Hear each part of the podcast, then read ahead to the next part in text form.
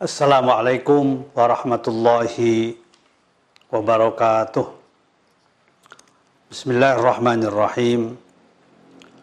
Alhamdulillahi rabbil alamin. Wassalatu wassalamu ala ashrafil anbiya'i wal mursalin. Sayyidina Muhammadin wa ala alihi wa sahbihi ajma'in. Wala hawla wala quwata illa billahil aliyil azim. Jamaah kaum muslimin, kaum muslimat rahimakumullah. Alhamdulillah kita bersyukur pada Allah Subhanahu wa taala pada pagi hari ini Ahad tanggal 28 Rabiul Tsani 1442 Hijriah bertepatan dengan tanggal 13 Desember 2020 kembali kita dapat bersilaturahim dalam rangka meneruskan kajian tafsir kita. Dan insya Allah pada pagi hari ini kita akan membaca surat Az-Zumar. Surat Az-Zumar surat ke-39 meneruskan kajian minggu yang lalu yaitu ayat 10 sampai dengan ayat 16. Surat Az-Zumar ayat 10 sampai dengan ayat 16. Silakan dibuka Al-Qur'annya. Kita mulai dengan membaca surat Al-Fatihah. A'udzu billahi rajim. Bismillahirrahmanirrahim. Alhamdulillahi rabbil alamin.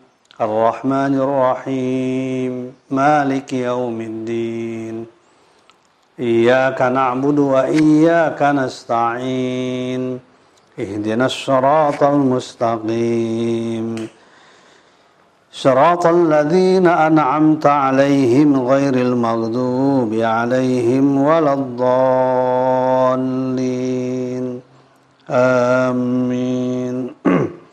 بسم الله الرحمن الرحيم.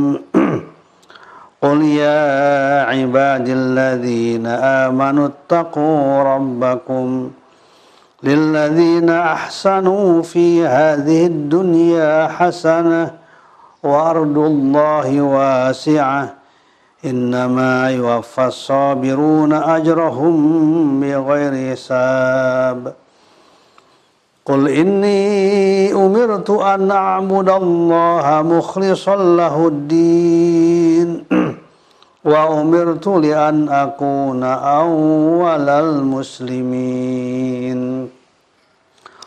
قل إني أخاف إن عصيت ربي عذاب يوم عظيم.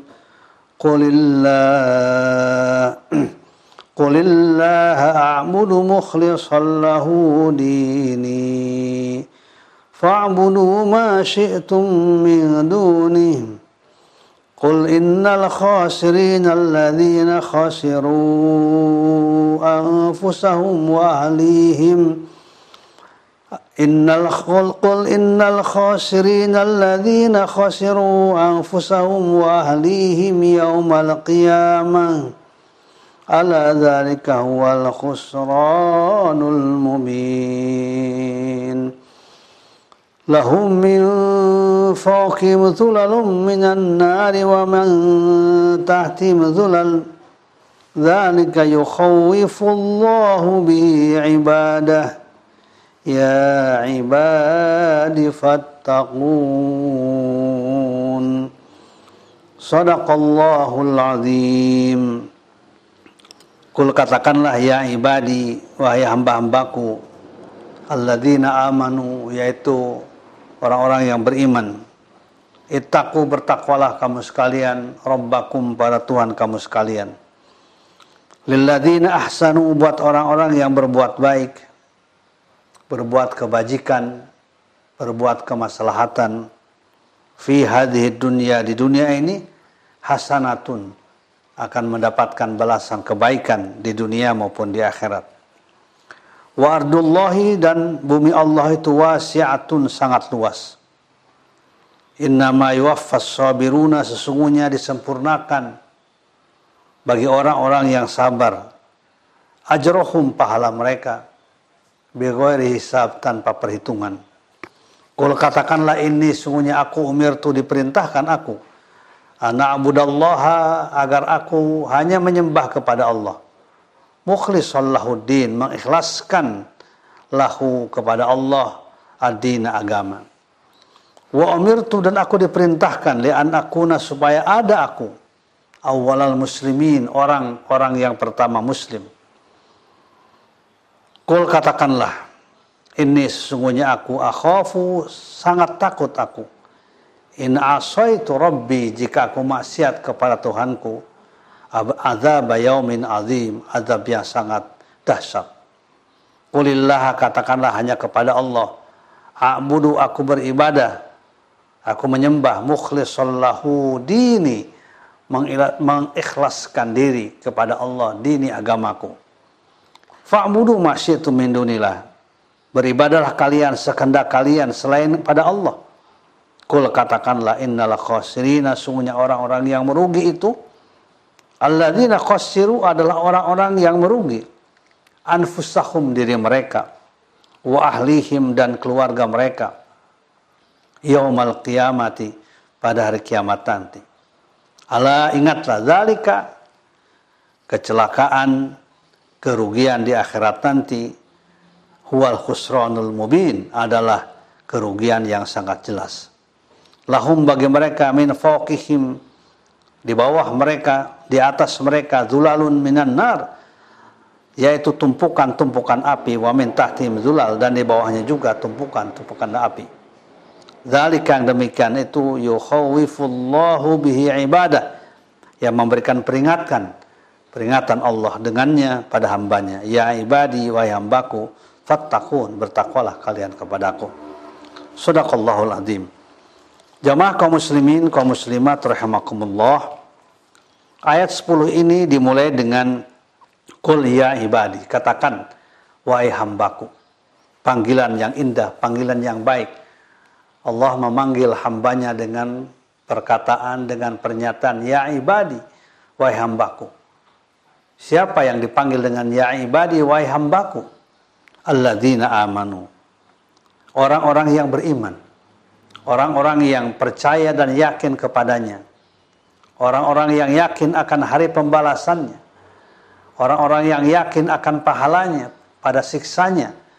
Orang-orang yang yakin bahwa kehidupan dunia adalah sifatnya sementara dan kehidupan yang abadi adalah di akhirat nanti. Apa yang diperintahkan oleh Allah kepada hambanya, orang-orang yang beriman, ittaqu rabbakum. Bertakwalah kalian kepada Tuhan kamu sekalian. Jagalah dirimu, keluargamu dari berbagai hal yang akan menyebabkan kalian celaka dunia maupun akhirat. Laksanakan perintah Allah dan jauhi apa yang dilarangnya. Imtithalul awamir wajtinabun nawahi menurut mengikuti apa yang diperintahkan dan menjauhi apa yang dilarangnya. Kenapa takwa yang diperintahkan pada orang-orang yang beriman dan bukan hanya bukan hanya ayat ini, ayat-ayat yang lain pun banyak yang memerintahkan Allah Subhanahu wa taala kepada orang-orang yang beriman supaya meningkatkan kualitas ketakwaannya meningkatkan kualitas ketundukan dan kepatuhan kepada ajarannya. Keinginan yang kuat untuk mengimplementasikan ajaran Islam dalam kehidupan. Ittaqu. Bertakwalah kalian kepada Rabb kamu sekalian. Ada beberapa alasan kalau kita lihat. Beberapa dorongan sebenarnya yang mendorong kita untuk tidak pernah bosan. Untuk selalu istiqomah berada dalam situasi takwa dalam kehidupan kita. Pertama takwa itu adalah pakaian. Eh, takwa itu adalah bekal yang paling baik. Wa tazawwadu fa inna khairuz zadi taqwa wattaquni ya ulil albab. Berbekallah kamu sekalian. Karena sungguhnya bekal yang paling baik adalah bekal takwa kepada Allah. Jadi takwa itu bekal perjalanan kita.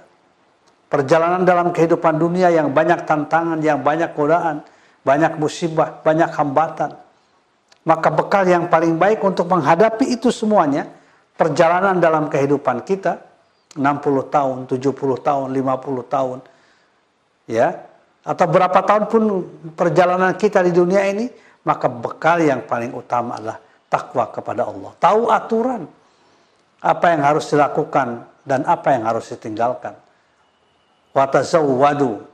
Meskipun ayat ini Al-Baqarah 197 asbabun nuzulnya berkaitan dengan ibadah haji supaya beribadah haji itu khusyuk, tenang, ya, bisa kita melaksanakan dengan baik, berbekalah dengan bekal yang cukup.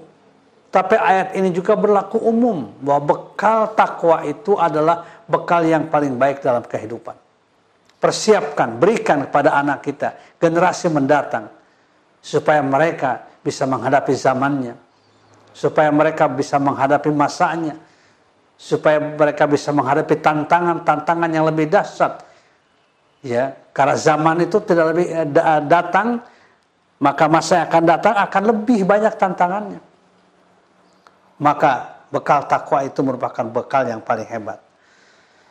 Itu yang pertama. Yang kedua juga takwa itu adalah pakaian. Ya, pakaian yang terbaik. Surat Al-A'raf ayat 26. Kalau tadi Al-Baqarah 197, kalau ini Al-A'raf Al-A'raf ayat 26. Walibasut taqwa dzalika khair. Pakaian takwa itu adalah pakaian yang terbaik. Pakaian yang menutup aurat. Pakaian yang menutup hati kita, pikiran kita ketika kita gelisah. Ketika kita mendapatkan kesulitan, ditutup kesulitan itu, diganti dengan kemudahan Pesimisme yang terjadi pada diri kita ditutup diganti dengan optimisme di dalam kehidupan ini. Walaupun kita menghadapi berbagai macam tantangan-tantangan yang berat. Menghadapi situasi apa pun juga, kita akan tetap yakin dan optimis Allah yang akan memberikan yang terbaik buat orang yang beriman. Walibasut taqwa dzalika khair. Itulah pakaian takwa yang sebaik-baiknya. Kemudian juga dalam ayat yang lain Allah menjelaskan bahwa Persiapkan masa depan bagi anak-anak kalian dengan ketakwaan. Surat An-Nisa ayat 9. Wal yakhshal ladzina law taraku min khalfihim dzurriyyatan di'afan khafu 'alaihim falyattaqullah wal yaqulu qawlan sadida. Ya, hendaknya orang-orang takut kalau meninggalkan generasi mendatang anak keturunan kita dalam keadaan lemah. Ya, Khofu alaihim, kalian harus khawatir, takut. Lemah akidahnya, lemah keyakinannya, lemah pendidikannya, lemah ekonominya, lemah fisiknya, ya, lemah pendiriannya, tidak punya etos kerja, tidak punya etika kerja. Lau taroku min khalfim zurriyatan di'afan khofu alaihim. Kalian harus khawatir. Falyattaqullah, bertakwalah kepada Allah. Mereka hendaknya diajarkan untuk menjadi manusia mutakin, Insya Allah kalau menjadi manusia mutakin akan menjadi manusia yang punya kekuatan. Akan siap menghadapi masa masanya. Akan siap menghadapi zamannya. Bahkan pada surat Al-Hasr, ya surat 59, ayat 18, ayat yang berisikan perintah kepada orang-orang yang beriman, kata takwa itu sampai disebut dua kali. Dalam menghadapi keadaan masa depan yang kadang-kala unpredictable Ya ayyuhalladzina amanu taqullaha wal tandur nafsum ma qaddamat lighad wattaqullaha. Innallaha khabirum bima ta'malun. Wahai sekalian orang-orang yang beriman, ya, wahai orang-orang yang beriman, bertakwalah kepada Tuhan kamu sekalian, kepada Allah Subhanahu wa taala. Wal tandur nafsum ma qaddamat. Perhatikan apa yang akan terjadi esok hari. Persiapan-persiapan menghadapi esok hari. Esok hari itu dalam arti kematian di akhirat nanti atau esok hari masa depan. Persiapan oleh kita dengan sebaik-baiknya. Dan persiapan itu dengan kata-kata takwa. Wattakullah. Bertakwalah kalian kepada Allah subhanahu wa ta'ala. Ini yang harus menjadi grand design kita. Orang tua, para guru, para pendidik, para pemimpin. ya Para tokoh umat, para pejabat publik. Grand design masa depan itu mempersiapkan generasi yang bertakwa. Karena itulah generasi yang unggul. Generasi yang kuat, generasi yang akan siap menghadapi masanya. Generasi akan mampu memberikan jalan keluar bukan menjadi beban. Ya, dengan bekal ketakwaan kepada Allah Subhanahu wa taala. Bahkan dengan takwa dan iman itu akan mengundang keberkahan. Tidak mungkin akan ada keberkahan turun dari Allah. Tidak mungkin akan ada kemampu, kema, kemakmuran kalau tidak dilansir dengan ketakwaan. Kalau maksiat kita kepada Allah, banyak yang maksiat, ya, banyak hal yang bertapangan dengan nilai-nilai Islam, akhlak Islam. Ya. Hanya dengan ketakwaan kita akan mengundang keberkahan dari langit dan membuka keberkahan dari bumi. Walau anna ahlal qura amanu wattaqau lafatahna alaihim barakatim minas sama. Andaikan penduduk suatu bumi, bangsa, negara, amanu wattaqau beriman bertakwa. Jadi persyaratannya iman dan takwa, iman dan takwa, iman dan takwa. Lafatahna alaihim barakatim minas sama wal ard. Kami akan bukakan, akan kami turunkan keberkahan dari langit dan dimunculkan keberkahan dari bumi. Keberkahan itu artinya semuanya jadi kebaikan. Apa pun juga yang terjadi kebaikan. Tapi walakin kadzabu tepat sebagian besar manusia mendustakan, tidak percaya kepada ayat Allah, tidak percaya pada Al-Quran, tidak percaya dan yakin pada kebenaran ajaran Islam. Meskipun kadang-kala dia mengaku Islam. Tapi tidak yakin Islam sebagai way of life. Tidak yakin Islam sebagai manhajul hayah kurikulum kehidupan. Walakin kadzabu, bahkan mendustakan. Fa'akhadnahum bima kanu yaksibun, akibatnya kami menyiksa mereka gara-gara perbuatan-perbuatan yang mereka lakukan. Nah, ini adalah yang berkaitan dengan takwa. Yang perlu juga kita lihat ya di dalam Al-Qur'an pada surat Al-Maidah ayat 8. Ternyata takwa dengan keadilan itu dua hal yang tidak bisa dipisahkan. Kita lihat ya. Surat Al-Maidah ayat 8. Silahkan dibuka. Ini sangat penting bagi kita semuanya. Ya. Bagi para pejabat, ya, bagi para tokoh umat, para pendidik umat, ya. Coba kita lihat nih. Perintah juga kepada orang yang beriman. Ya ayyuhalladzina amanu wa sekali orang-orang yang beriman. Kunu qawwamina lillahi syuhada'a bil qisti Jadilah kalian karena Allah menegakkan saksi-saksi dengan adil. Ya menegakkan hukum dengan adil. Ternyata keadilan itu bagian penting dari ketakwaan. Wala yajrimannakum syana'anu qaumin ala ala ta'dilu. Tidak boleh karena kelakuan kelakuan yang kurang baik, kejahatan yang dilakukan oleh sebuah kaum, sebuah kelompok menyebabkan kalian tidak berlaku adil I'dilu huwa aqrabu taqwa. Berlakulah adil kalian. Karena adil itu dekat sekali dengan takwa. Persyaratan ketakwaan. I'dilu huwa aqrabu taqwa. Berlaku adillah kamu sekalian. Huwa aqrabu taqwa. Ya. Saya misalnya sekarang misalnya katakanlah menjadi seorang RT. Ya, masyarakat saya ada misalnya yang kelakuannya kurang baik. Kelakuannya kurang baik kepada saya pribadi. Saya benci kepadanya Jangan pula ketika kita menetapkan suatu aturan, suatu hukuman, kita melakukan diskriminasi kepada yang bersangkutan, walaupun dia melakukan hal yang kurang baik, kurang menyenangkan. Kenapa? Karena akan mengurangi nilai ketakwaan pada diri kita. I'diluhu aqrabu taqwa. Ya. Karena apa? Berlaku adilah kali kalian huwa aqrabu taqwa. Ternyata adil itu lebih mendekatkan diri pada takwa. Jadi karena itu keadilan itulah akan menyebabkan kemakmuran. Makanya ada istilah adil dalam makmur. Nabi pernah menjelaskan ya kepada umatnya, kepada para sahabatnya tentang masalah penegakan keadilan dalam hukum ini tidak diskriminasi. Beliau mengatakan, ayuhannas innama ahlaka man kana qablakum. Sesungguhnya hancurnya umat sebelum kamu sekalian Kanu idza saraqu fihi syarif taraku. Kalau yang mencuri, yang melakukan kejahatan itu orang-orang mulia. Orang-orang yang dianggap mulia, yang punya kedudukan yang syarif. Mereka kemudian meninggalkan, tidak menegakkan hukuman itu. Tetapi kalau yang melakukan kejahatan itu adalah orang-orang yang lemah, aqamu alil hadda.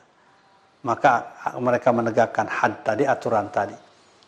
Ternyata yang menyebabkan kehancuran itu ketidakadilan. Ya, dalam berbagai hal, terutama dalam bidang hukum, dalam bidang hukum, dalam bidang ekonomi, ya, keadilanlah yang paling utama. Kemiskinan tidak menyebabkan kerusakan, kehancuran. Bisa diatasi insya Allah dengan sebaik-baiknya. Tapi ketika keadilan tidak ditegakkan, diskriminasi dalam segala hal, maka yang terjadi kehancuran. Jadi ini perlu disadari oleh semuanya nih. Perlu disadari oleh kita semuanya.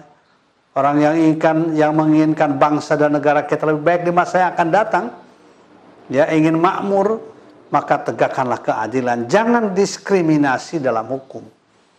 Ketika terjadi diskriminasi dalam hukum, maka akan meluncur pada kemiskinan. Utang semakin banyak dan lain sebagainya. Ya. Inna ahlaka man kana qablakum. Rasulullah mengatakan sejarah kehancuran bangsa-bangsa yang lalu itu karena kezaliman, tidak adil dalam melaksanakan hukum maupun juga dalam bidang yang lainnya. Karena kezaliman itu akan menyebabkan gelap kegelapan. Az-zulmu zulumatun yaumal qiyamah. Kezaliman itu akan menyebabkan kegelapan apalagi di akhirat nanti. Kalau kegelapan kan orang meraba-raba tidak tahu apa yang harus dilakukan. Tidak tahu apa yang harus dipersiapkan. Sekenanya, seenaknya, semeraut. I'dilu huwa aqrabu taqwa. Berlaku adalah kalian huwa aqrabu taqwa. Keadilan itu lebih mendekatkan diri pada ketakwaan. Wattaqullah. Inna Allah khabirum bima ta'malun. Bertakwalah kalian kepada Allah. Allah maha melihat apa yang kalian kerjakan. Jangan merasa bahwa kalau kita berlaku tidak adil, ya bisa kemudian kita terlepas dari pandangan Allah, terlepas dari azab Allah, terlepas dari siksa Allah Inna Allah khabirum bima ta'malun. Allah maha melihat tentang apa yang kalian kerjakan. Ini yang dimaksud dengan yakul ya ibadul ladina amanu taku rabbakum. Bertakwalah kepada Tuhan kamu sekalian. Kemudian ayat ini juga menjelaskan ya bahwa lilladzina ahsanu fi hadid dunya hasanah.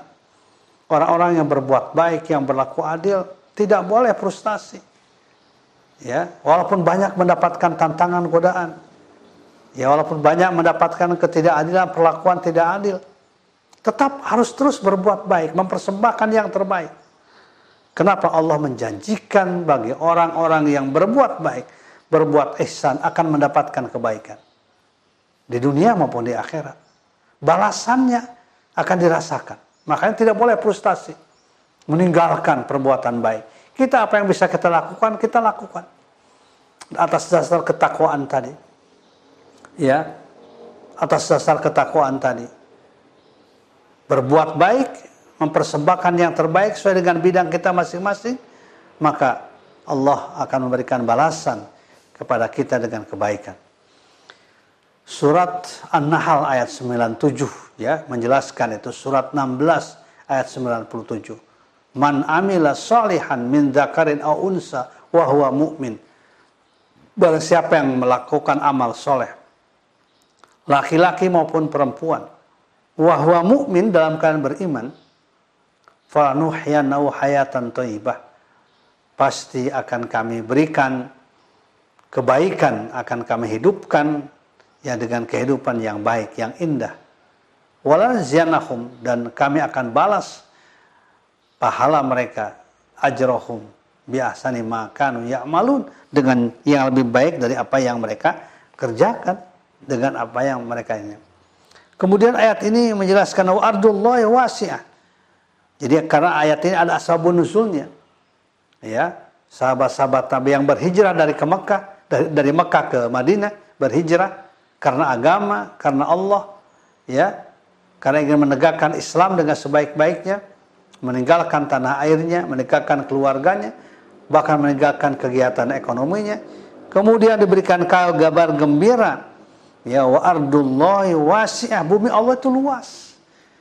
Ya, luas sekali. Kalian tidak boleh ragu-ragu kalau mempertahankan kebaikan, mempertahankan kejujuran, mempertahankan akidah Islami. Ardullahi wasi'ah. Bumi Allah itu sangat luas. Tempat Allah sangat luas. Innama yuwaffas sabiruna ajrahum bighairi hisab. Allah akan menyempurnakan orang-orang yang sabar, yang tekun, yang tabah ya dalam menegakkan kebenaran ajaran Islam, kejujuran, banyak mendapatkan masalah, musibah dia harus meninggalkan tanah air dan lain sebagainya. Inna yuwaffas sabiruna. Pasti Allah akan menyempurnakan orang-orang yang sabar. Ajrohum bighairi hisab. Ya pahalanya tanpa hisab. Jadi oleh karena itu maka kita pun juga harus maksimal dalam melakukan kebaikan. Tidak boleh asal-asalan dan harus terus-menerus mempersembahkan yang terbaik dalam hidup ini agar kita mendapatkan pahala dari Allah Subhanahu wa taala mendapatkan apa hasanah di dunia mendapatkan hasanah di akhirat. Tapi dengan catatan apa yang kita lakukan ibadah kita kepada Allah dilakukan secara ikhlas. Secara sungguh-sungguh karena Allah jangan karena yang lain. Rugi kalau kita berbuat yang baik bukan karena Allah. Ya, karena ria, karena sum'ah. Memberi kita usahakan karena Allah. Ya, belajar karena Allah. Mari kita luruskan niat kita. Ya, karena itu persyaratan yang utama. Kita ikhlas dalam beragama ini, ikhlas dalam ibadah, ikhlas di dalam melakukan berbagai macam kegiatan-kegiatan. Makanya pada ayat yang lalu dijelaskan tentang pentingnya sholat malam. Nah, sholat malam itu salah satu tujuannya adalah dalam kerangka membangun, menegakkan keikhlasan. Kita apa melakukan ibadah tanpa ada yang tahu, tanpa ada yang tahu. Hanya kita dan Allah yang maha tahu. Oleh karena itu sekali lagi, ya.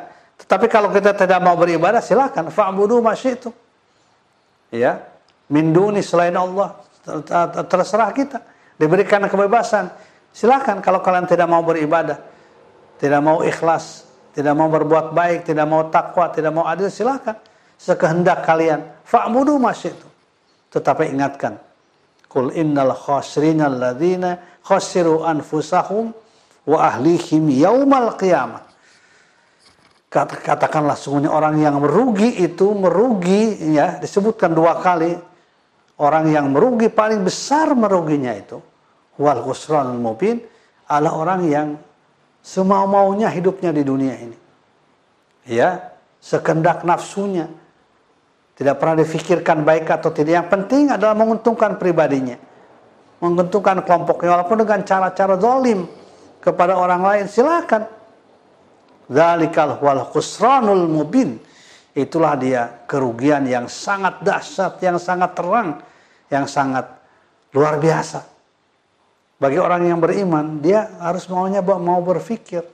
Karena hidup di dunia sementara. Berapa sih kita kalau jadi pejabat, berapa lama jabatan kita? Enggak lama. Ya, kalau kita melakukan perbuatan-perbuatan yang buruk, yang zalim, akan dirasakan di dunia juga akan dirasakan. Saya ingatkan, ada dua dosa yang ya dua kejahatan yang di dunia ini akan dibalas oleh Allah langsung maupun di akhirat yaitu dosa pada kedua orang tua dan dosa berlaku zalim pada orang lain. Naudzubillah bin dzalik. Itulah dikatakan dzalikal wal khusranul mubin. Itulah kerugian yang nyata yang terang. Ya. Di akhiratnya lahumin fawqihim zulalun minan nar. Hidupnya di bawah dan di atas kumpulan-kumpulan api yang menyala-nyala. Zalikallahu yakhawif bi ibadah ya ibadi fattakun. Nah, makanya diulangi lagi itu ya ibadi fattakun. Ya tadi ayat 10, kul ya ibadilladzina amanu rabbakum. Di sini juga ada ujungnya ayat 16, ya ibadi fattakun. Wahai hambaku fattakun, bertakwalah kalian kepada Allah. Wallahu a'lam. Ada pertanyaan? Silakan kalau ada. Dari Pak Muhammad Firdaus, salam izin bertanya Ustaz, bagaimana menjaga hati agar selalu takut kepada Allah? Ya kita istiqomah ya, istiqomah dalam kebaikan ya dan kita selalu berniat yang ikhlas, berusaha niat yang ikhlas. Walaupun godaan untuk ria, godaan untuk sum'ah itu selalu ada. Kita berusaha di mana pun kita berbuat baik sehingga perbuatan baik itu itu merupakan apa pakaian kita kebutuhan kita ya kita misalnya menjadi pejabat ya pejabat apa pun, ya. Kita tetap dalam hati kita, saya ingin berlaku adil, saya ingin berlaku adil, saya niat berlaku adil. Apalagi bagi penegak hukum, saya harus berlaku adil. Ya, karena keadilan itu yang menentukan kebahagiaan saya. Kalau saya berlaku zalim, maka saya akan mendapatkan kerugian dunia dan akhirat. Ya, jadi di dalam ibadah itu kita tekankan ya bahwa ibadah kita karena Allah ya dan mudah-mudahan Allah akan menjadikan kita sebagai orang-orang yang bertakwa tadi. Baik kita akhiri dengan doa kifarat majelis ya. Subhanakallahumma wa bihamdika asyhadu an la ilaha illa anta astaghfiruka wa atubu ilaih. Assalamualaikum warahmatullahi wabarakatuh.